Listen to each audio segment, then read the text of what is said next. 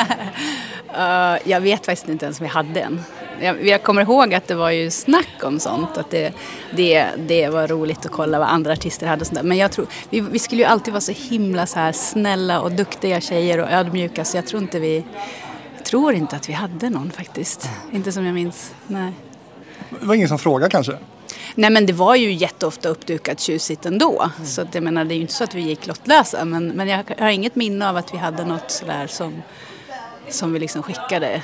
Men det kanske vi hade. Alltså, det, det, är ju också så att vi var ju inte så gamla och vi hade ju folk som hjälpte oss verkligen. Så att vi, ja, jag vet inte allt.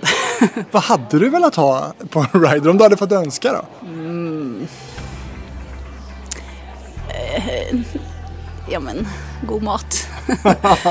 Frukt kanske. Nej, jag, alltså, jag vet inte. Vad vill man ha på en rider? Vi var ju för unga för att liksom önska alkohol och sånt där. Men... Ja, det var liksom inget eh, stök? Nej, Nej. kan vi väl inte säga. inte direkt. Nej. Det här är Hitfabriken och det här avsnittet är skrivet av mig, Fredrik Rahlstrand, med god hjälp av Daniel Holmén. Och den här veckan gästas jag av Erika Hellander, ett av trollen i Troll.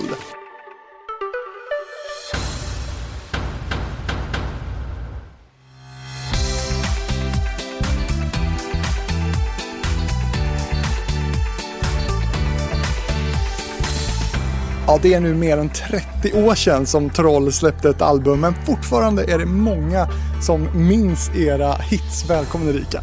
Tack så jättemycket! Ja, det här blir ju ett jättespännande avsnitt tycker jag. Ehm, jag tänker på Anki Bagger, Angel, Lili Susi och Troll. Det är liksom lite samma era va? Ja, det är det väl. Absolut. Ja. Samma, ganska mycket samma skivbolag i alla fall också. Ja. Så, och samma låtskrivare och ja, det stämmer nog. Var det så nätt? Ja, det var det. Mm. Kommer du ihåg vad, vad, du eller ni hade liksom för förebilder på den här tiden? Um, ja, alltså jag minns vad vi lyssnade på i turnébussen. vi lyssnade jättemycket på Eurythmics. Det var vår sån där standard. Den gick liksom somrarna igenom och, och alla sjöng med alltid och sådär. Sen så var det väl jätteolika. Jag menar, vi var sju stycken så att uh, jag kommer inte ihåg exakt sådär musikförebilder. Jag vet att jag själv hade kanske eh, jag, hade ju, jag har två äldre bröder som har matat mig med musik. Så att, eh, men jag var väl i den fasen att jag försökte hitta på mina egna idoler och så. Så det var väl, det var väl superblandat. Svenskt och eh, jättemycket brittiskt såklart som det var på den tiden. Mm. Sådär. Um, men Eurythmics är den gemensamma nämnaren som jag kan minnas sådär som vi alla gillade. Sen var det en hel del utav oss som hade eh, jättemycket hårdrock. Vi lyssnade på, uh, vad heter de nu då? de som har, nej, jo lite grann. Men han som inte har en arm som trummar, gud vad heter de? Ja, det vet inte jag. Nej, det kommer, det kommer ja. så, så småningom. Ja men ja, ja. hårdrock och Eurythmics. Och som jag sa i inledningen, det här är ju ett tag sedan nu. Ehm, och nu ska vi snacka en timme om troll. Hur känns det här för dig? Eh, ja, alltså jag hoppas att mitt minne hjälper mig. ja, man blir lite äldre, men, men jag har fortfarande jättemycket minnen kvar, verkligen. Hur ofta blir du påmind om troll idag? Inte jätteofta, men eh, det händer. Hur reagerar folk när de får veta att du var en av dem som, som var med i Troll? Ja, det kan ju, det, alltså till exempel om man berättar på jobbet och sådär så är det så här, va? Vi, vi dansar ju på diskoträ, är, är det du, är det ni?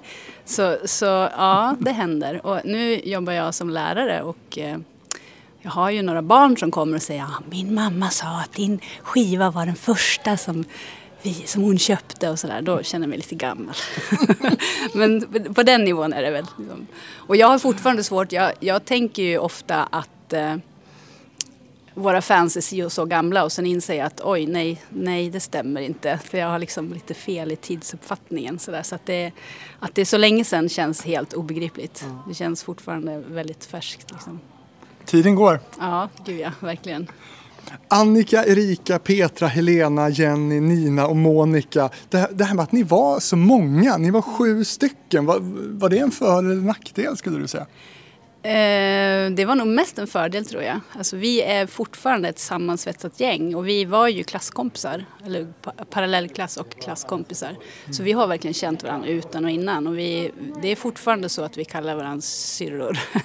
så att eh, eh fördelen var ju att eh, vi liksom alltid, man har alltid någon att vända sig till, man är så många. Eh, nackdelen var väl att vi kanske var lite svåra att hålla koll på och folk var lite sådär, va, är det ännu fler? Oj, oj, oj, så fick räkna in oss och sådär. så ja. Du berättade att ni var sammansvetsade och hur er relation ser ut idag, det kan vi väl spara lite på eh, och prata lite mer om sen. Men, men eh, vad hade ni för roller skulle du säga i den här stora gruppkonstellationen?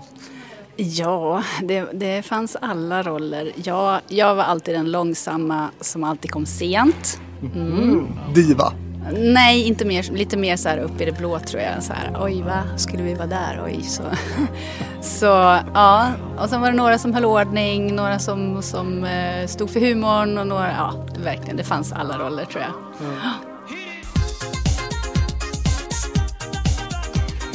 Mitt första minne av Troll, eh, det är ju att jag och ett eh, gäng jag hängde med på, på fritids hade fullt upp med att showa och mima till era låtar. Framförallt den här.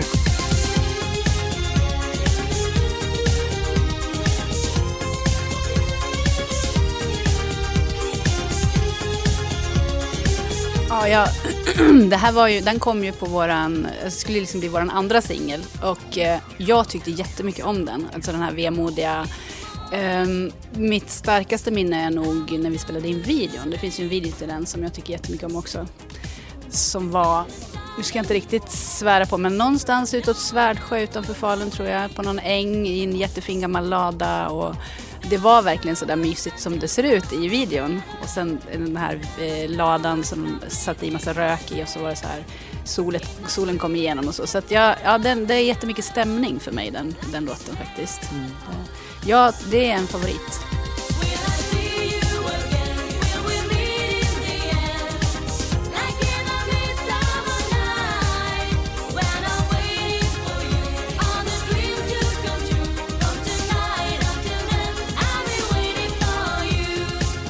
Vi ska prata mer om, om era hits naturligtvis. Men jag tänkte att du skulle få ta oss med nu till den här talangjakten på, på fritidsgården i Falun 1985. Mm. Vad var det som hände där? Mm. Um, den var inte på fritidsgården faktiskt utan den var i Säterdalen om jag inte minns fel. Det är ju en folkpark. Det här var ju folkparkernas talangjakter. Och uh, uh, scenen i Säterdalen är jättehög. Alltså den är verkligen, det ser lite roligt ut. Så det minns jag. Och sen minns jag att det var, vi blev kompis med några andra som var med. Som, eh, som eh, någon, någon annan som sjöng och några andra som dansade. Och eh, att ja, vi var ju små, det var liksom lek och kul och oj, vi vann. Det var lite så, tror jag, vad jag minns. Men hur gamla var ni? Ja, vad var vi då? Vilket år sa du? 85. 85, vi var ju inte gamla 12. 12 någonting va? Ja. Tror jag. Men hur hade ni då hittat varann eh, och vad var det ni uppträdde med då på den här talangjakten? Mm. Vi hittade varann, dels, vi var klasskompisar. På vår skola så fanns en verksamhet där man kunde starta band på, på eh, fritidsgården. Och, eh, jag vet inte om de andra tjejerna håller med om det här men jag brukar berätta om att jag, dels hade jag äldre bror som spelade band i garaget så att jag visste liksom vad band var. Mm. Sen så hade han, jag bläddrade jättemycket i hans skivor. Där fanns The Runaways. Och den stannade jag ju till vid för alla andra Led Zeppelin, bla bla bla, killar, killar, gitarrer och så bara, vad är det här? Och så var det dubbelalbum så när man väckte upp den så stod de med gitarrer liksom. Så det var, och det här är ju när jag var jätteliten, fem, sex kanske. Mm. Så där planterades någonting för mig att aha, spela band det kan jag också göra liksom. Och sen så på skolan så startade alla band. Det fanns eh, ett band innan oss med bara tjejer som jag minns, Ulan Bator. Och de såg ju vi upp till, de var två år äldre. Så då startade vi också. Och, och, då var det, och sen minns jag också att eh, Grease var populärt. Pink Ladies, hade likadana jackor, tjejgäng sådär. Och det kommer jag ihåg att jag sa så här, ska inte vi också sy några lika kläder? Så kan vi vara ett gäng liksom. Och så allt det här tillsammans blev bandet. Och vi sydde ju då våra trollkläder. Så att vi började ju som trollrock. Eh, vår musiklärare Håkan skrev eh, låt, någon låt med, med trolltema och sen blev det fler och fler och det här var ju superkul såklart. Så att det var lika mycket liksom show, klä ut sig, liksom sminka sig. Vi höll ju också på med allt mimande och sånt så bara oj så kunde man spela själv också. Ja, ja då gör vi det. Vi stod tre vid en synt och tryckte ner varsin tangent och det var verkligen basic basic nivå. Det du berättar nu det är ju faktiskt också någonting som eh, bevisar hur viktigt det är med, med förebilder inom musiken. Absolut, absolut. Ja, det, ja, det här är ju kanske liksom rena efterkonstruktioner för mig men för, jag har verkligen tittat tillbaka och tänkt att ja, men den där skivan som min brorsa hade den betydde ju super för mig. Och jag menar, nu var det ju så att tjejer spelade band på våran skola så det var ju inte helt omöjligt men liksom bara den där bilden liksom, det är ganska viktigt. Och nu innan vi går vidare, vad hände med Ulan Bator? Eh, jag vet inte. Jo men de, de, spelade väl vidare ett tag. Jag vet i alla fall att, att en av dem, Eva, hon spelar symfoniorkester. Men de andra vet jag inte så mycket om. Ja. Så att, eh, ja.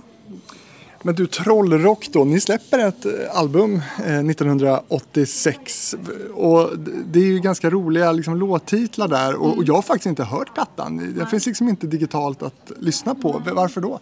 Jag tror inte, jag vet inte om det finns så många ex. Jag vet att det har dykt upp på så här eh, antikaffärer och lite sånt där. Och vi har väl några men jag tror inte att någon har tagit tag i det och gjort en digital. För det var ju, vi, vi gjorde den själv och vi eh, liksom pressade upp visst antal ex och sålde till släkt och vänner och sådär. Så att, jag vet inte om den går att få tag på. Jag vet inte ens om jag har ett ex kvar själv faktiskt. Men, Va?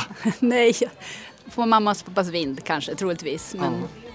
Och där kunde man i alla fall höra då låtar som Trollnatt och Behåll dina troll och Trollparty och Trollminnen och Trollfar Boogie. Hur lät den här plattan? Ja, alltså den är jättefin. Alltså det, det var ju faktiskt så att vi... Det här gjorde ju att vi fick mycket spelningar.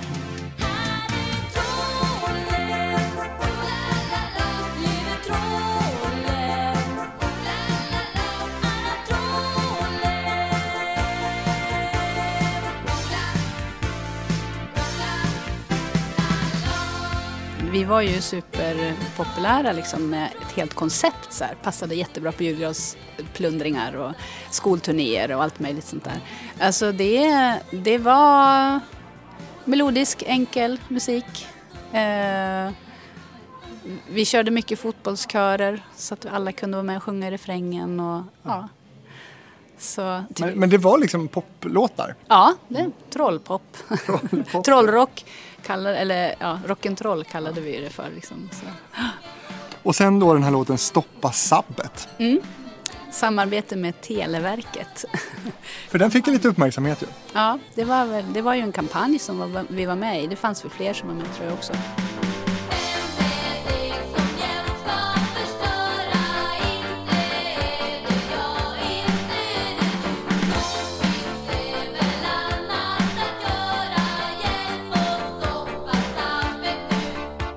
Vi hade ju klistermärken och eh, liksom affischer och grejer med jättelänge på våra spelningar, kommer jag ihåg, med Stoppa Sabbet. Att man inte skulle slå sönder telefonkioskerna ja. som fanns på den tiden.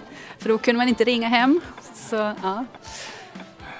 Jätteroligt ju, så här när man tänker på, på tal om att tiden har gått. Ja, ja precis. Men ja. nu får man ju förklara, nu är det som att man är ett ufo, man försöker förklara vad en telefonkiosk är. Ja. Men, men vad händer efter den här skivan då? Eh, ja, alltså vi får mycket spelningar på en gång när vi börjar. Även innan Talangjakten vad jag minns det. Att just att det är, alltså vi är ett bra koncept. Mm. så att vi, vad jag minns så spelar ju vi varenda helg, liksom ända från början nästan. På olika grejer, på marknader, på bilfirmor och på, på ja, liksom, jag tror att det är ganska tidigt vi var och åkte på Ålandsfärja till exempel och spelade och sådär. Så det, blev, det blev snabbt liksom väldigt poppis. Lokalt först såklart men liksom spred sig mer och mer. Så det, det innebar ju att det blev liksom full fart på en gång egentligen. För många tror ju att det, det, var först när vi fick skivkontrakt och så som det hände grejer. Men vi hade ju hållit på rätt länge då redan. Så, mm. Vad var den konstigaste spelningen ni gjorde? ja men alltså, ja. Ja men det där med att stå på bilfirmor är väl kanske inte jätteroligt. Nu ska det invigas här, så kan ni stå här i hörnet bakom Mercedesen och spela. Så. Mm. Men ska vi gå igenom nu, alltså jag tänker namnet Troll, mm. var, var kom det ifrån från början det där? Ja, vi hette ju Trollrock från början och det var ju från de här låtarna. Jag, jag minns inte vem som liksom kläckte den första idén om, om, att vi skulle vara troll utan det var väl bara det var enkelt att sy sådana klänningar, det var roligt att göra svansar liksom och, och så skrev våran musiklärare Håkan och hans kompis Mats, Håkan Nordström och Mats Brännlund, skrev de första låtarna. Mm. Och sen tyckte väl de också att det var ett roligt koncept. Det var ganska lätt att skriva sådana låtar och liksom hitta på stories och sådär. Men den här första plattan då som, som blir någon slags startskott för er på, på skiva i alla fall. Vem var det som liksom låg bakom den? Ni hade inget skivkontrakt sa du? Nej, det var, alltså vi blev ju tidigt vi hade vår musiklärare, hans kompis Mats som också hjälpte till att skriva låtar och sen så kom ofta också Annika som sjöng, hennes pappa Olle kom med mm. fort och tyckte att det var jätteroligt att vara med och styra upp och sånt där. Mm. Så att eh, jag gissar väl att det var de som presenterade, ska vi inte göra en skiva och då gör man så här och så ja, ja tyckte vi och liksom vi var ju så här, allt som var kul hänger vi på. Mm. Så att, eh, jag vet inte riktigt hur vi gjorde. jag vet att vi skickade iväg, tryckte någonstans och det kom liksom kartonger tillbaka. Och, mm lite sådär, ja. saker händer utan att man själv har jättekoll skulle jag tro. Men, men från då den här plattan Trollrock 86 eh, så går det då tre år och då släpper ni ert album Troll eh, 1989 mm. och har då ett samarbete med några av de största låtskrivarna i Sverige. Berätta hur, hur den processen såg ut där. Ja, jag tror att i och med att vi vann den här talangjakten som var ju folkparkernas talangjakt så i det priset så ingick det väl en del spelningar i folkparker vad jag minns. Så redan där kom det ju in folk liksom som började säga att ja, det här kanske är intressant och ni kanske ska kolla här och där. Så att de här kontakterna vet jag ju inte riktigt hur det gick. Men sen fick vi hjälp utav Jonas Warnebring, Östen Warnebrings son, som liksom talangscoutade oss på något sätt. Mm. Jag vet inte riktigt hur men som liksom skulle hjälpa oss att fixa skivkontrakt när vi kom så långt. Jag har för mig att det var någonting på gång innan också men jag ska inte svära på det. Eh, så då kom han med ett gäng och vi eh, fick liksom hjälp med lite bilder och då hade vi ju kommit så långt så att vi hade liksom lagt av med trollkläderna och så. Vi mm. började bli lite tonåringar och det var lite töntigt och vi ville spela engelska låtar och vara lite tuffare och sådär. Så att eh, då hjälpte de oss med liksom eh, bilder och vi gjorde någon video till någon låt på våran skolas vind. Och, och sen tror jag att det var han som hjälpte oss att få det skivkontraktet vi fick. Så jag kommer ihåg att det kom folk. Eh, Breitholtz eh, från Sonett var väl han då tror jag. Och vi hade möten och grejer och våra föräldrar var med. Och det här är också sånt här som liksom händer lite grann. Ja, kul, skivkontrakt. Vi är så här, okej, okay, det, det, kan de prata om. Vi fortsätter spela. Men då var ni ändå, ni bodde i Falun och åkte då ner till de här stora skivbolagen i Stockholm och satt och skrev eller? De kom till oss. Nej, ja, jo, vi de, den mesta av vår musik som, eh, som finns på den första skivan är inspelad i Falun förutom låtarna som eh, Norell Olsson Bard har skrivit. Så att vi, vi det, det, fanns en studio i Falun. Det var Mats Brännlund som var vår musiklärares kompis som hade en studio på sin gård. Mm. Så där är det mesta inspelat, även första skivan och sådär. Mm. Och du nämner då samarbetet med eh, Alexander Bard, Ola Håkansson och Tim Norell eh, som gör då många av era stora hits. Och du måste nästan berätta om hur, hur ert samarbete såg ut. Ja, det jag minns, eh, jag, jag minns faktiskt inte, jag minns att vi gör ju, när vi jobbade i studion i Stockholm så jobbade vi med Ola och Tim. Mm. Ja, för ryktet säger här att, att eh, ni träffade aldrig Alexander Bard. Nej, jag tror faktiskt inte det. Mm. Jag tror att vi kanske har hälsat på honom någon men han var inte med i studion som jag minns utan då var det Ola och Tim. Och ja, det, det var ju det var ju mycket musik inspelat och vi kom ner och sjöng. La vissa grejer på syntar och sånt där. Vi var ju väldigt sådär, vi var väldigt bestämda om att vi skulle, det skulle vara vi som spelar på alla låtar och det ska inte vara massa samplingar och grejer. Sen så, så blev det ju liksom ändå inte så att vi spelar allting på alla skivor. På de grejer som är inspelade i Falun så är det vi som spelar. Men Så att vi kom ju ner och sjöng. Vi kom ner liksom några dagar och så la vi sången och sådär och jobbade med dem i studion. Hur var det då? Ja, det var jättekul. Det var ju, vi var ju vana på det viset att vi hade ju spelat in en hel del även uppe i Falun så att vi var ju inte helt noviser. Men, men det är klart att det var storstad. Jag menar, vi hade väl inte varit jättemycket i Stockholm innan det och sådär. Så att eh, lite starstruck var vi nog. Och mm. Jag kommer ihåg att vi åt upp någon vilken artist var det? Det stod ett jättefint fruktfat utanför studion och vi bara åh kolla, på tal om rider. här har de nog ställt till oss och så åt vi upp hälften och så visade det sig att det var till någon annan artist och alla blev jättearga. Sådär. Så. Lite sådär var det kanske. Mm. Okej, men det låter på dig som att ni ändå, eh, ni var unga men ni hade ändå lite koll och kom också med en del krav. Ja, det gjorde vi. Vi var väldigt bestämda om det där med att det skulle vara demokratiskt och liksom mm. att det skulle vara vi. Och vi hade ju, um, alltså vi, vi sjöng ju alla men Nina och Monica var inte jätteförtjusta i att sjunga och de, de spelade ju synt. Så att, eh, och då när det blev tal om skivinspelningar och, och men att de skulle vara med och sjunga och de inte ville, då var det ju väldiga diskussioner om hur vi skulle göra och sådär. Men vi fick till det till slut liksom och de var med och sjöng och vi fick spela in en del saker och sådär. Så att vi, samma sak så var det ju med namnet, att vi hade döpt vårt band till Trollrock och sen blev det skivbolag och de var ju inte speciellt förtjusta i namnet Troll för det var vad vi hade då fortsatt med när vi började spela engelska låtar. Så det var också ganska hårda förhandlingar. Vi sa nej, vi ska heta Troll. och det kan man ju tycka, alltså, det förstår jag ju att folk undrar vad, vad är det för band som heter Troll. Men för oss, det var verkligen viktigt med vår historia liksom, för oss. Mm. Så vi, vi fick ju igenom det. Mm. Vad ville skivbolagen att ni skulle heta? Jag var, vill, jag var inte någon sån här Seven of a kind eller mm. uh, jag minns inte riktigt. Jag vet att det var flera förslag på gång sådär men vi, vi nappade inte. så här i efterhand så var det väl jättebra att ni behöll? Ja, vi tyckte det. Det var ju kort och catchy och det gjorde väl inget om folk inte förstod varför tyckte vi. Och du nämner då att vissa eh, av låtarna på den här första plattan Troll är inspelade i Falun och vissa i Stockholm. Kan, kan du ge något exempel på något som är Falun-inspelat då? Mm. Ja, Miracle till exempel, den vet jag är inspelad i Falun. Ja. Um, Just det, har vi inte någon som heter Going to Bermudas? Jo. Den vet jag, den har jag lagt bas på. ja, så, ja, så vi, många långa nätter i studion, eller inte nätter men sena kvällar i alla fall. Mm. Det, det, blev det.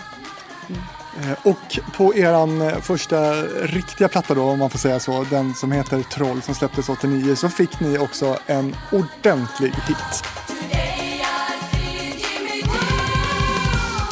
En låt som handlar om den amerikanska sångaren Jimmy Dean. Vad vet du om Jimmy Dean?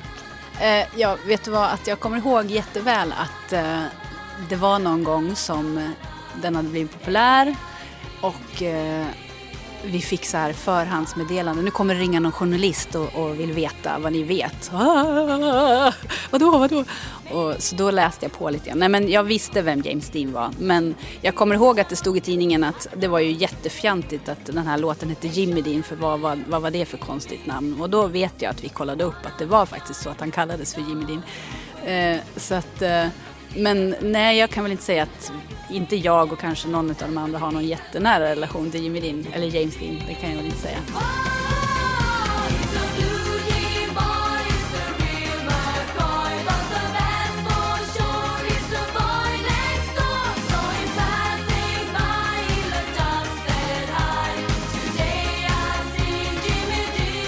Bara att vi knäcker det här att, att det här handlar inte om en Jimmy Dean utan det handlar om James Dean. Det hade inte jag en aning om till exempel. Okej, okay, du ser. Ja. Fast det handlar ju egentligen om någon som är lik honom tror ja, jag. Mm. Ja. Men du, det här blir ju som sagt en ordentlig hit. Hur märker ni det? Ja, gud. Um, har du sett våran almanacka från den tiden, eller jag får säga? Uh, det, det ruschade igång en sån karusell så att det var utan dess nåde. Mm. Alltså, vi, vi var ju vana vid att liksom det här var vårt fritidsintresse, det var vad vi gjorde. Vi hade åkt på massa spelningar innan men nu blev det ju liksom intervjuer, tv, eh, tidningar, ja, i en väldig fart. Eh, och det är väl också sådana minnen som jag inte riktigt eh, har tänkt jättemycket på. Men vi hade en återträff för några år sedan och då tog Olle, Annikas pappa Olle, vår manager då med sig listorna. Mm. Och det är ju helt sanslöst. Alltså, eh, ja, det, det var full fart, verkligen. Ja, vad tänker du när du ser de där listorna framför dig? Ja, dels så är det ju jättehäftigt att liksom fatta vad man har varit med om. Eh, sen tänker jag att herregud, vi som var så unga, det är ju verkligen tur att inte någon kraschade. Mm. För att det var, det var hektiskt. Mm. Men samtidigt var vi sju, vi kunde dela upp radiointervjuerna. Du tar tre, du tar tre och sådär. Så att eh, det, det, löste sig ju. Men eh, samtidigt gick vi i skolan. Så att, eh. ja, hur, hur mycket turnerade ni på den här tiden? Ja, det var en hel del. Um, nu, de, den största turnén i samband med den skivan det var ju sommarturnén. Och den var ju, det var hela sommaren. Det var inte något så mycket. Det var, jag tror vi hade en eller två veckor ledigt som sommarlov. Då. Sen i övrigt var det mm, torsdag, vad blir det då? onsdag till lördag hela tiden. Så. Vad har du för minnen från den där sommarturnén? Vad, vad minns du? Ja, alltså framförallt hur mycket av Sverige man såg. Vi åkte ju verkligen land rike runt. Eh, jag har jättemycket minnen från parker som, du vet man åker genom skogen och bara, men är vi verkligen rätt? Och så kommer det en folkpark och så var man där och, och ställde upp och, och eh, liksom soundchecka och tänkte, men hit i skogen kan väl inte någon människa komma? Och sen så efter ett visst klockslag så bara, som en myrstack liksom. Jag fattar inte vart folk kommer ifrån men alltså folk, Folkpark-Sverige är ju, det är ju fantastiskt att ha fått uppleva det. Mm. Alltså vilken, vilken levande kultur det var på den tiden. Mm. Jag vet inte hur det är nu för tiden men, men det var ju verkligen ja, hur mycket folk som helst. Och hur blir ni mottagna då skulle du säga av, av er publik? Ja det var ju det var full, fulla hus vad jag minns. Alltså, in, i alla fall den sommaren. Jag vet ju att det var, liksom, att det var mycket de fick tacka nej till när de gjorde turnén. Och eh, det, var ju, det var ju lite sådär overkligt då med sån jättepublik. Vi, jag tror att vi slog några publikrekord på några ställen och sådär. Lite, inte hysterisk jag vill inte säga men, men, eh, men eh, ja, det var verkligen mycket folk. Och, och vi snackar kravallstaket och poliseskort och allting? Nej, poliseskort kan jag inte minnas. Men jag, no, några sådana där tillfällen när folk har blivit klämda, det vet jag. Och det är ju inte så roligt. Ja. Det var ju läskigt liksom. Men, men inte genomgående, men några gånger hände det sådär. Så, mm. Stannade ni kvar också och tog bilder och skrev autografer? Eller hur, hur, hur nära er publik var ni? Ja, det gjorde vi jättemycket faktiskt. Det var, det var sånt där som vi liksom det hörde till, det skulle göras liksom och då står vi där tills alla är klara. Och vi, det var ju också sådana där grejer som vi alltid höll på med, till exempel också att vi alltid svarade på alla brev för hand.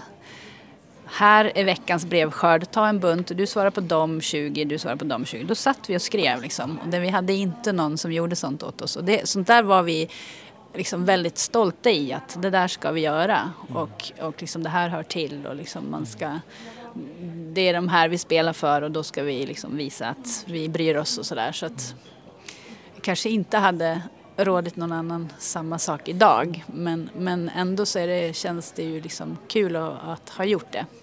Hade vi varit en eh, soloartist eller så, så hade det inte funkat. Men vi var ju ändå sju. Så att, ja.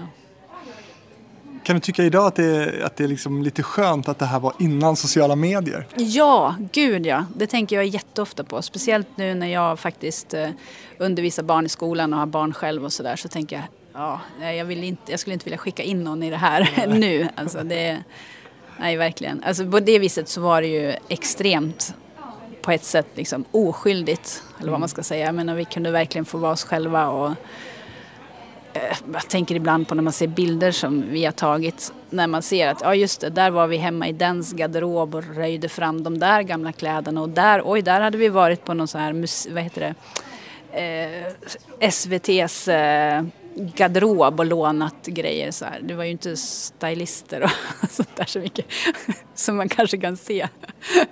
Men, ja. när man ser era albumbilder framför sig idag, ja, de, ni, ni har ju ganska häftig, liksom, annorlunda stil. Ja, om man ens kan kalla det stil. Men, ja, jo, men det var ju, alltså det, det tycker jag ju är kul när jag tittar tillbaka. För att för oss var det så otroligt mycket lek. Även om det blev jättestort och jätteallvarligt så var det liksom, våran utgångspunkt var ett gäng tjejer som hade kul ihop. Liksom. Det var ju det. Som lekte. Ehm, vi hade också ehm, Ibland körde vi, när vi hade gjort stora grejer så brukade vi samla alla familjer på något ställe och liksom käka tillsammans. Vi gjorde några resor så när vi kom hem och sådär. Då drog vi alltid igång så här spe, spos, vad heter det? spontanteater. Liksom. Mm. Då, då, och så klädde vi ut oss med det som var där och så spelade vi teater. Alltså det var all, vi var alltid sådär. Liksom. Och vi, mm.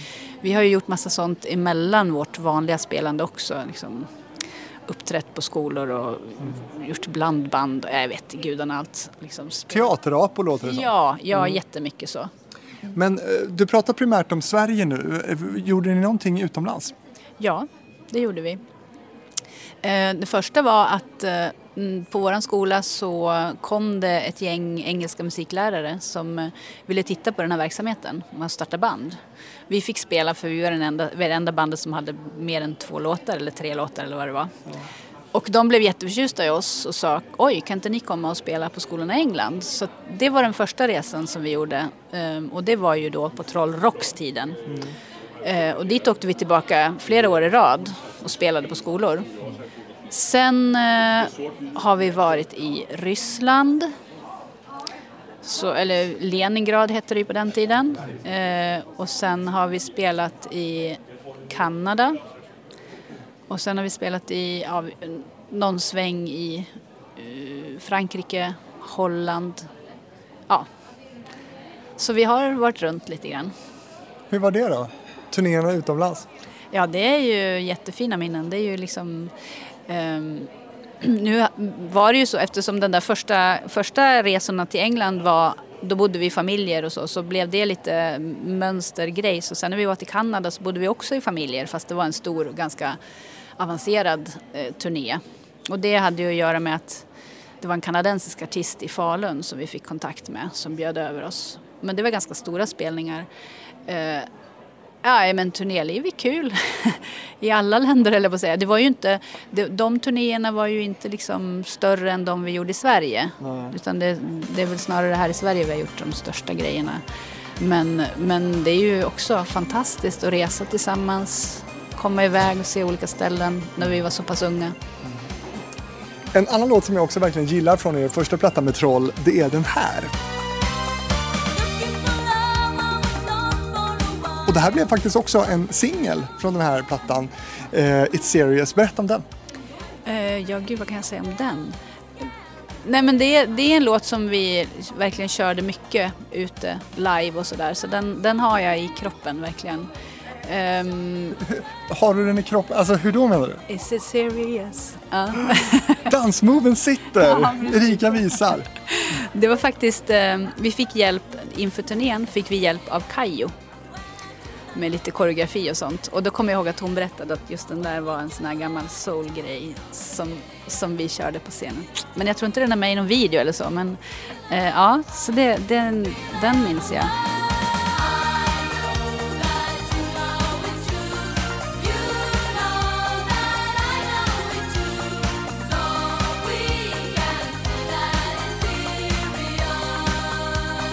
Och det, det, du visar nu det är alltså att man tar liksom ena armen runt huvudet och pekar framåt. Ja, liksom. precis. Kamma.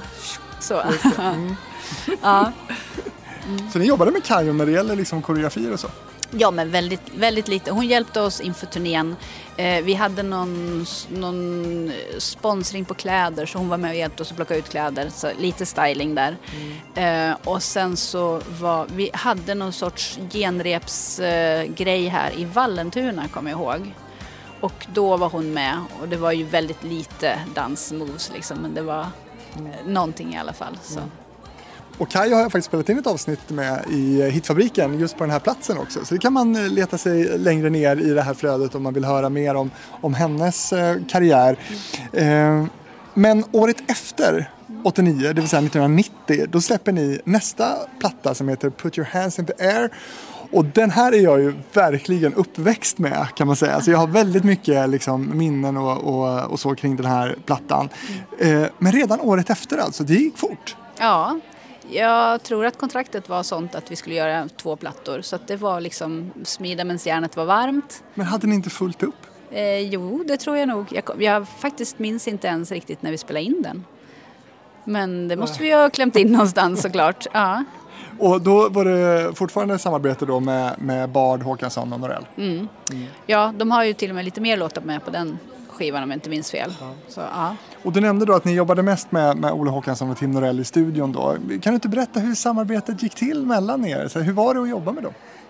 Eh, alltså ja, det, det, var ju, det var ju liksom spännande och lärorikt såklart. Mm. Eh, jag kommer ihåg att eh, Tim Norell pratade om att, för vi, eftersom det var mycket körer och stämmor och sånt så pratade de om att oh, han tyckte det var kul att jobba med sådana här som, det var som en skolkör. så, så det är liksom vad jag minns, det är de här sång jag minns det som att det var ganska smidigt. Mm. Eh, och sen så såklart på den tiden så tror jag inte att vi hade så jättemycket koll på, eller det är klart att vi visste att de var duktiga låtskrivare och kända och sånt där men vi hade ju kanske inte så mycket relation till dem så utan det var väl så här, jaha okej okay, så jobbar vi med dem, ja bra, kul. Men har ni träffat dem i efterhand någonting? Nej, faktiskt inte. Nej. Det har jag inte. Inte jag i alla fall, men jag, inte, inget som grupp men jag, om någon enstaka har träffat det vet jag inte. Minns du om det var någon skillnad när ni spelade in då den första trollplattan och andra trollplattan så att säga? Hade ni liksom växt på er och, och också kanske kom dit med, med liksom lite nyvunnet självförtroende? Jo, det tror jag nog att vi gjorde. Um, jag, jag tror att vi var lite, vi ville nog ha lite mer inflytande kanske än vad vi fick på den. Men... Uh, Har du något exempel på det? Nej, jag minns inte riktigt faktiskt. Ja. Hur kom ni fram till titeln på albumet då, Put your hands in the air? Det är inte den starkaste låten på, på albumet enligt mig i alla fall. Nej, du, det, det kommer jag inte ihåg. Jag tror inte att vi var um, jätte, jätte så här liksom det var nog något som blev. Jag, jag, kan inte komma ihåg riktigt hur det gick till faktiskt. Då struntar vi det och lyssnar ja. istället på en av mina favoritlåtar från albumet.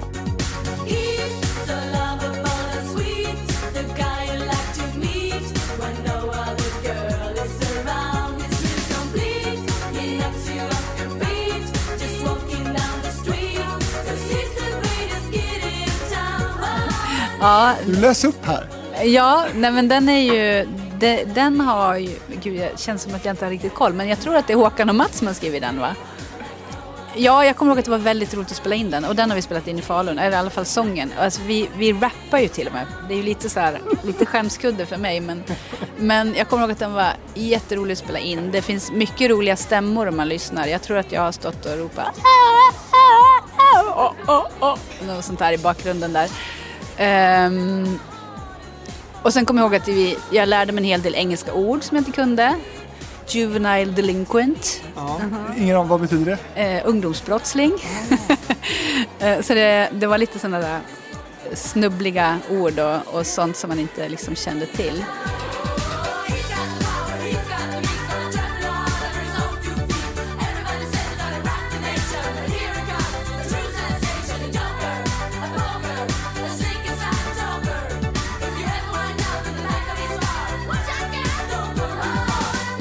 Men är det enda låten som ni rappar på? Ja, det tror jag. Det hoppas jag. nej, ja, ja, nej, jag kan inte minnas att vi någonsin har gjort det innan eller efter. Nej. Hur kom den till då? Vet du det? Mm, nej, det tror jag nog var Håkan och Mats som skrev och sa det ska vara så här och så här. Och... Ja, nej, ja. precis. Men eftersom ni hade två olika låtskrivarteam och ni spelade också in plattan då på två olika ställen så låter ju plattan ändå ganska sammanhållen. Har du mm. tänkt någonting på det? Har du reflekterat något över det? Mm, den är, alltså jag tror att det var, det mix, slutmixades ju och allting gjordes i Stockholm så att de liksom verkligen fick ihop det. Mm. Um, så, så det är väl det som har gjort det. Och sen vet jag ju inte, eftersom vi, vi var ju, kom ju in i studion, vi, när det gäller musiken så det vi gjorde var ju att mycket sången och stämmorna och sånt höll ju vi på med. Mm. Innan dess var ju inte vi med speciellt mycket mm. på låtskriveriet. Så att, och, och sen liksom hur det förhandlades mellan liksom skivbolaget och Håkan och Mats vet ju inte jag riktigt. Sådär, så, så, men, men såklart, det skulle vara en, en snygg sammanhållen produkt så är det klart att det behövde liksom fixas till så att det lät så.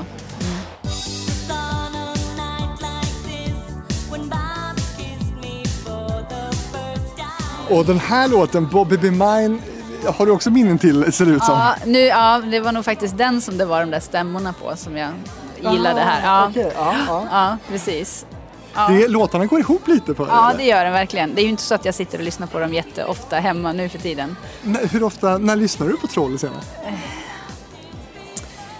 Jag vet inte.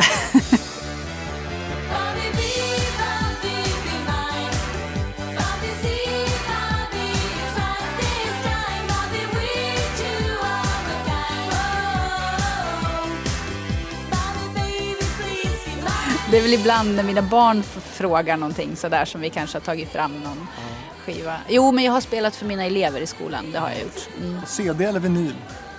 På Youtube. På YouTube. Ja. Men hur gamla är dina barn då? De är sju och elva. Ja, just det. Så de har inte så mycket relation till det här. Eller det, mi- min eh, 11-åring han har ju lite koll så att han, han eh, bedömer ju efter likes. Så då är det ju lite roligt att jag faktiskt kan ta fram den och visa att vi har ganska mycket likes. Jaha, okej, var det sådär? Då, det är det han kan greppa liksom. Kan du redan nu se om de har ärvt någon slags musikalitet eller så? Faktiskt så satt han igår med ett musikprogram. Han, eh, ja, det tror jag. Hur, hur känns det i mammahjärtat? Jo men det känns ju jätteroligt faktiskt. För det är, en sån, det är en av de få grejer som han, förutom allt spelande och skärm i övrigt, så är det en, en grej han kan fastna i. Sitta och hålla på och, och liksom ändra om och greja och sen så kom och lyssna. Så det är roligt. Ja, det är jättekul. Har du något album som du gillar bäst utav dem? Ehm, nej, kanske mer enstaka låtar.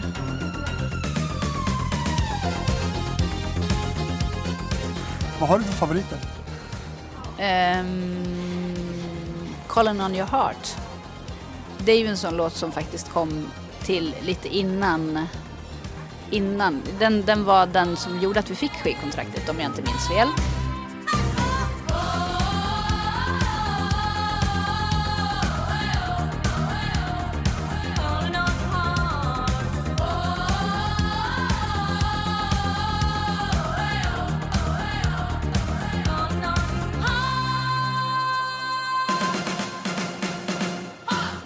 Eh, den gillar jag och eh, sen utav eh, Olle Håkansson-låtarna så är det faktiskt, nu måste jag bara tänka så jag säger rätt. Ehm, Can't you see what I see?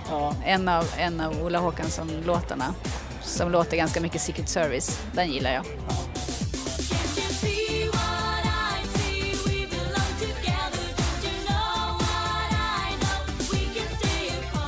Gillar du Secret Service också? Ja, det gör jag. Det är jättemycket fina grejer. Vem gör inte det? Men hur ska vi se till att Trollrock-plattan kommer upp digitalt då? Ja, men vem kan göra det åt oss? Jag vet inte. Ehm, Vem äger rättigheterna idag till, till er musik? jag vet inte. Nej, jag vet faktiskt inte det. Om du ska förklara då för, för dina barn eller för någon annan hur stora ni var på den här tiden. Vad, hur, hur, hur kan du liksom sätta ord på det? Ja, men det är ju faktiskt nästan knappt så att jag kan det. Det känns ju... Om, om jag tittar... Om jag jämför det med likes nu för tiden och sånt där, då får man ju titta på hur mycket skivor vi sålde. Ehm, hur, ja men framförallt när jag tittar på det där programmet, hur otroligt liksom, upptagna vi var.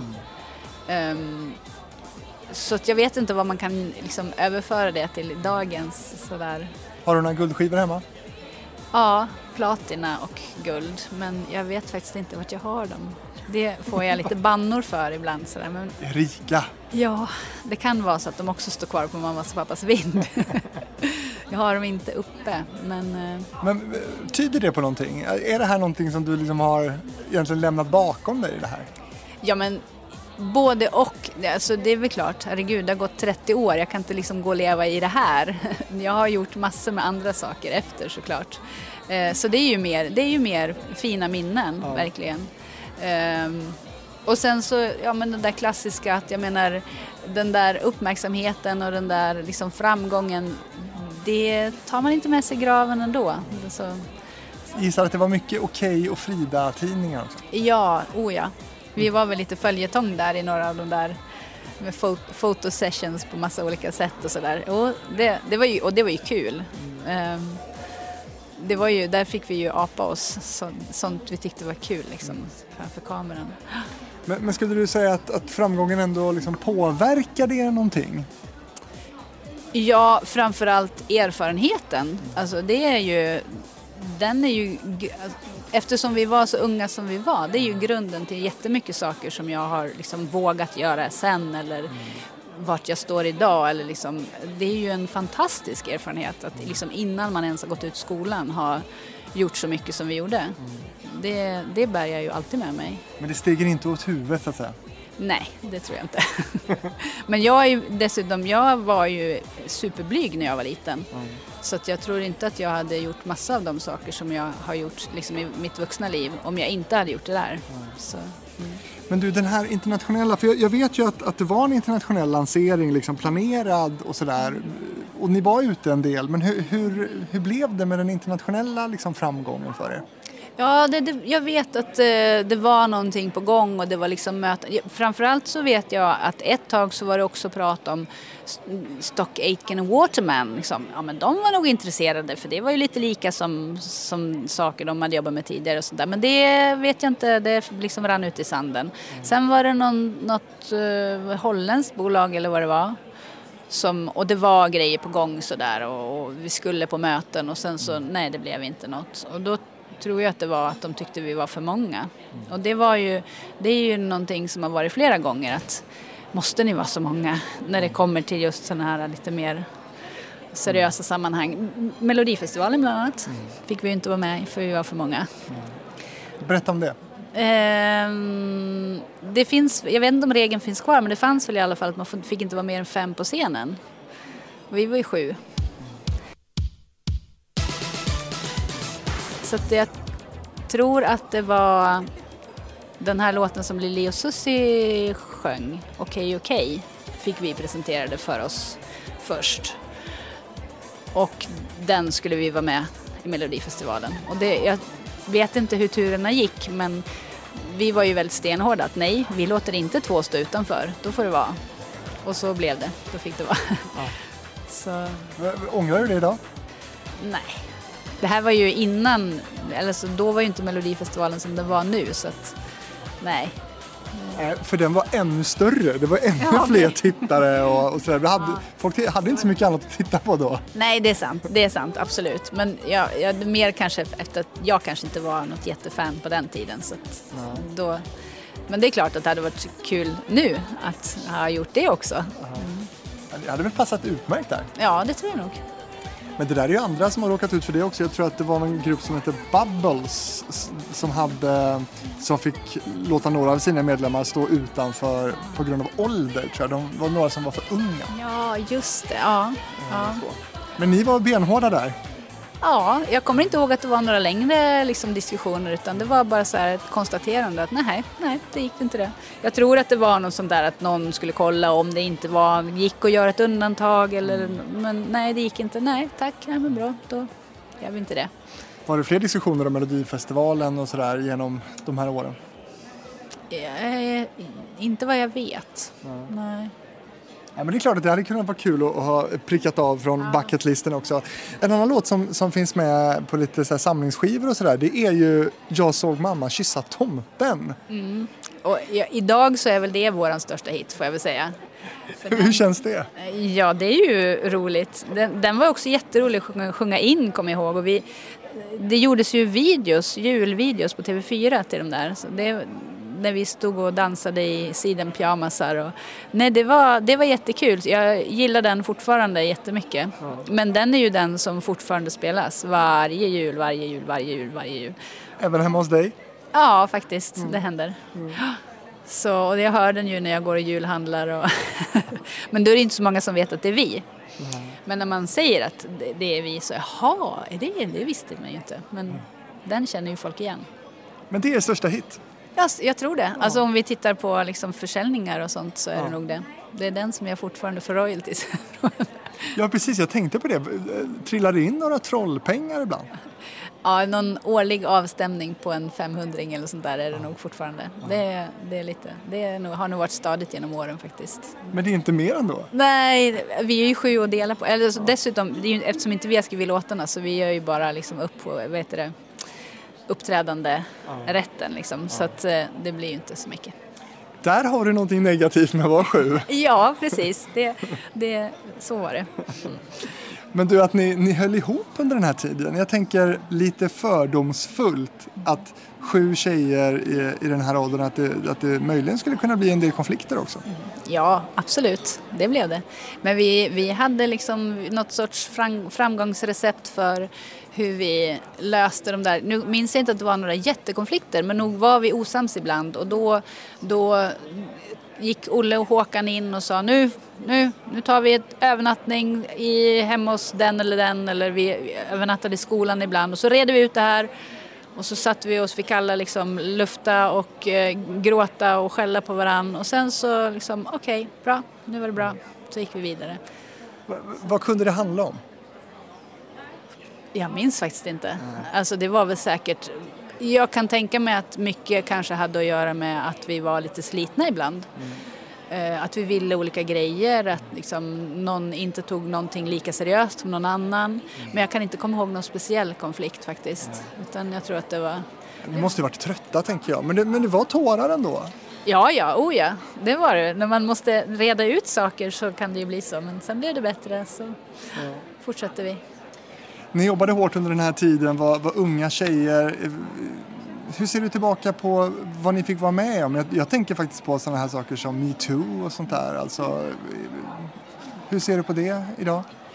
Eh, ja, ehm, det jag tänker mest på var ju den här liksom lite att man alltid behövde bevisa sig. Eh, om man kom till något nytt ställe att, att det räknades med att vi inte spelade instrumenten, det räknades med att vi inte kunde koppla in instrumenten. Att det var gärna ett gäng liksom ljudkillar eller så som stod och så här, aha, så skulle man liksom bevisa att man kunde. Eller i alla fall var det känslan. Jag kan inte säga att det nödvändigtvis var någon som tänkte så, men den känslan var det. Och ehm, jag tänker också att vi var, just som jag sa, extremt noga med att det skulle vara, vi skulle vara trevliga, vi skulle liksom plocka undan efter oss. Liksom, det var verkligen inget utrymme för några divalater eller liksom trasha hotellrum eller något sånt. Det, ehm, så Men gjorde ni inget hyss liksom? Var, var, var, det, var ni så jäkla ordentliga och polerade? ja, det vet jag inte. det hände nog också. Men, men ändå, vi var ju ändå minderåriga så att viss, viss nivå fick vi väl hålla på det. Ja, men jag tänker så här när vi pratar om det här att, att det är liksom inte många som kanske förstår ens liksom, vad det innebär att få ett så stort genombrott på den här tiden. Nej, nej. Nej, det, det är väl lite svårt som sagt att förstå även för oss så här i efterhand.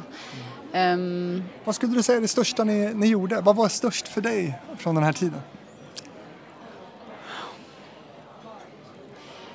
Ja, alltså vi gjorde ju en del tv-program som jag minns, sådana där som man liksom själv hade suttit hemma och tittat på. Och sen så skulle vi vara med där och sen så, ja men spela på Liseberg, Grönan. De spelningarna minns jag ju väldigt väl och ehm, ja, att man en stor grej som jag tror kanske inte man riktigt tänkte jättemycket då men det var ändå häftigt och som jag har tänkt på jättemycket i efterhand det är ju att när vi hade vårt genrep i eh, Vallentuna då kom Olle Håkansson och skulle kolla och då hade han med sig Jerry Williams. Och, och sen så minns jag, eller han var ju bara en sån jättetrevlig snubbe liksom. Mm.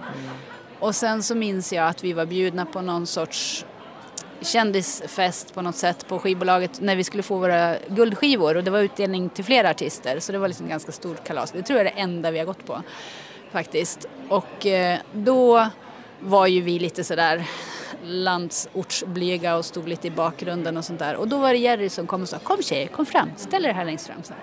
Han var ju liksom pappa sådär. Så det, det är jättefint minne verkligen. Och sen så faktiskt eh, jag menar även om vi fortfarande har kontakt så har vi ju inte daglig kontakt. Men, eh, och vi har ju inte, har ju inte drällt med förfrågningar genom åren. Men QX-galan tjatade ju i några år och ville att vi skulle komma och göra en reunion. Och det, det är ju också ett sånt här, då var det också lite så här, oj, var det så här det var? Ja, 2015 så välte ni i cirkus kan man säga på, på QX-galan då ni kör Jimmy Dean. Eh, ja, hur var det? Ja men det var ju jätte, jätteroligt. Det var ju supernervöst och först bara att tacka ja. Äh, vi hade fått liksom förfrågningar på annat och det hade aldrig funkat och det var så här, varför ska vi göra det? Vi spelar ju inte längre och sådär. Men sen i och med att de var ihärdiga och så faktiskt sådär så kunde alla. Så bara, men vi gör det då. Och det, det ja, vi fick hjälp och liksom lite koreografi, eller ja, vi skulle få hjälp med koreografi. De sa, äh, ni, ni fixar det själva. Ja, men jag såg det här klippet bara för några dagar sedan och, eh, och det massiva, liksom, den massiva kärlek ni fick där. Och då bara tänkte jag så här, när ni kliver av scenen där, vad, vad säger ni till varandra? Ja men då var vi ju bara så här helt förstummade för att det, det var ju... Alltså, jag tror inte, för mig var det så här att vi spelade, den här musiken var liksom kul och bra och vi körde våran grej och vi fick leka och sånt där. Men det har varit jättesvårt att förstå om det har betytt någonting för andra. Det var liksom, vi har ju också alltid blivit kallade, ja men ni var ju en one hit wonder och det var ju tuggummi pop och sånt där. Eh, så att, att få sånt i efterhand, att det faktiskt har betytt någonting, eh, är ju jätte, jättekul. Då känns det ju som att ja, det ger ju ytterligare en dimension, att det var verkligen no, någonting, någonting fint liksom. Blev ni förvånade av mottagandet? Ja, verkligen. Verkligen. Ni trodde ni var bortglömda. Ja, ja inte helt, men, men jag trodde inte att kanske att det skulle vara så. Nej, otroligt. Var det sista gången ni spelade eller stod på scen ihop? Ja, sista och enda gången tror jag. Vi, ja, någon gång, vi hade någon liten spelning liksom efter att vi hade lagt av på någon kår för att någon av oss pluggade. Liksom. Men, men annars har vi inte gjort någonting. Gav det inte blodad tand då? Eh, vi fick en del förfrågningar efter det. Och då, då liksom resonerade vi lite grann. Ska vi göra någonting? Ska vi köra sådär? Men det är ändå, vi tyckte nej. Det, vi bor för långt ifrån varann. Vi har för mycket annat i våra liv. Så att liksom att köra någon sorts jag vet inte vad det skulle ge oss riktigt. Det är ju inte så att vi tänker att vi ska börja om från början. Nej men det låter kanske förmätet att säga så men nej men nej. Ja, det här med att stå på scen och få massa applåder och, och liksom kärlek från publiken, vad är det liksom?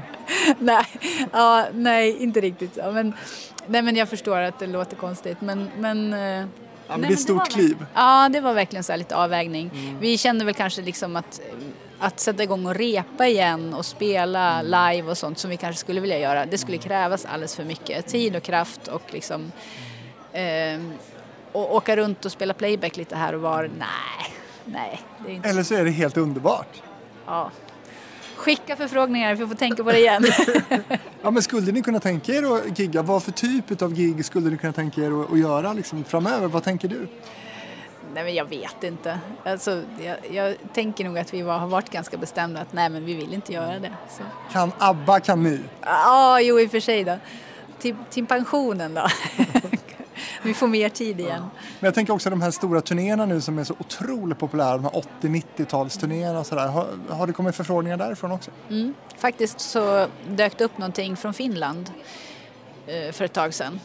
Någon sån, någon sån turné. Och jag kommer inte ihåg vem det var som skulle komma. Ja, men det, var, det var ju 80-tals, 90-talsmusik, just sånt. Men, men nej, då var vi på semester på annat. Så. Men måste ni vara alla sju fortfarande då? Ja, det har vi varit superbestämda om ända sedan vi la av. Att troll är vi sju, annars får det vara. Så vi har inte, än har liksom ingen bråkat om något annat i alla fall. Så det, det håller fortfarande. Är imponerande liksom, sammansvetsade där. Ja, jag vill hoppas att alla håller med mig nu då. Som inte. Men du, sen så undrar man ju då lite över det här uppbrottet som ju ändå blev då efter, efter den här sista skivan. Var, varför, varför blev det inget mer?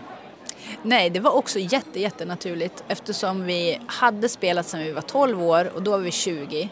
Vi hade gjort den här mastodont de här åren som var liksom supermycket jobb samtidigt som vi gick ut skolan, tog studenten liksom. Ehm, skivbolaget tyckte att låtar skulle låta på ett visst sätt. Vi ville kanske göra något annat. Grejen är ju den att vi har ju aldrig skrivit våra egna låtar. Och vi var, alltså ju längre man kommer desto mer blir det ju kanske så här, men skulle vi inte göra det då? Skulle vi inte spela våra egna låtar?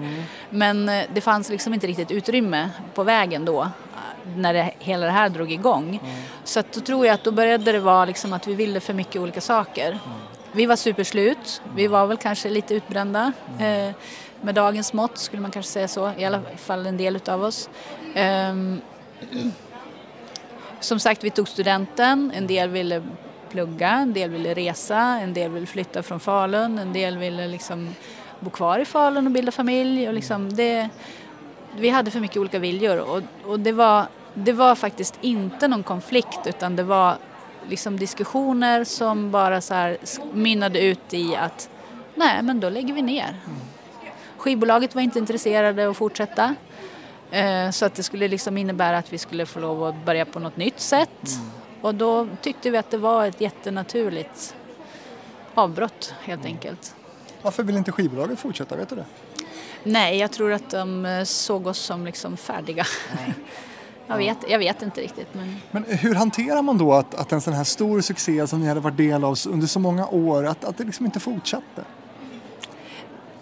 jag tror inte det blev någon jättekonflikt för oss, någon utav oss, utan det blev verkligen så här, nu ska livet börja med andra grejer. Så det, det var en sån naturlig bryttid och eh, Hur var det för dig då?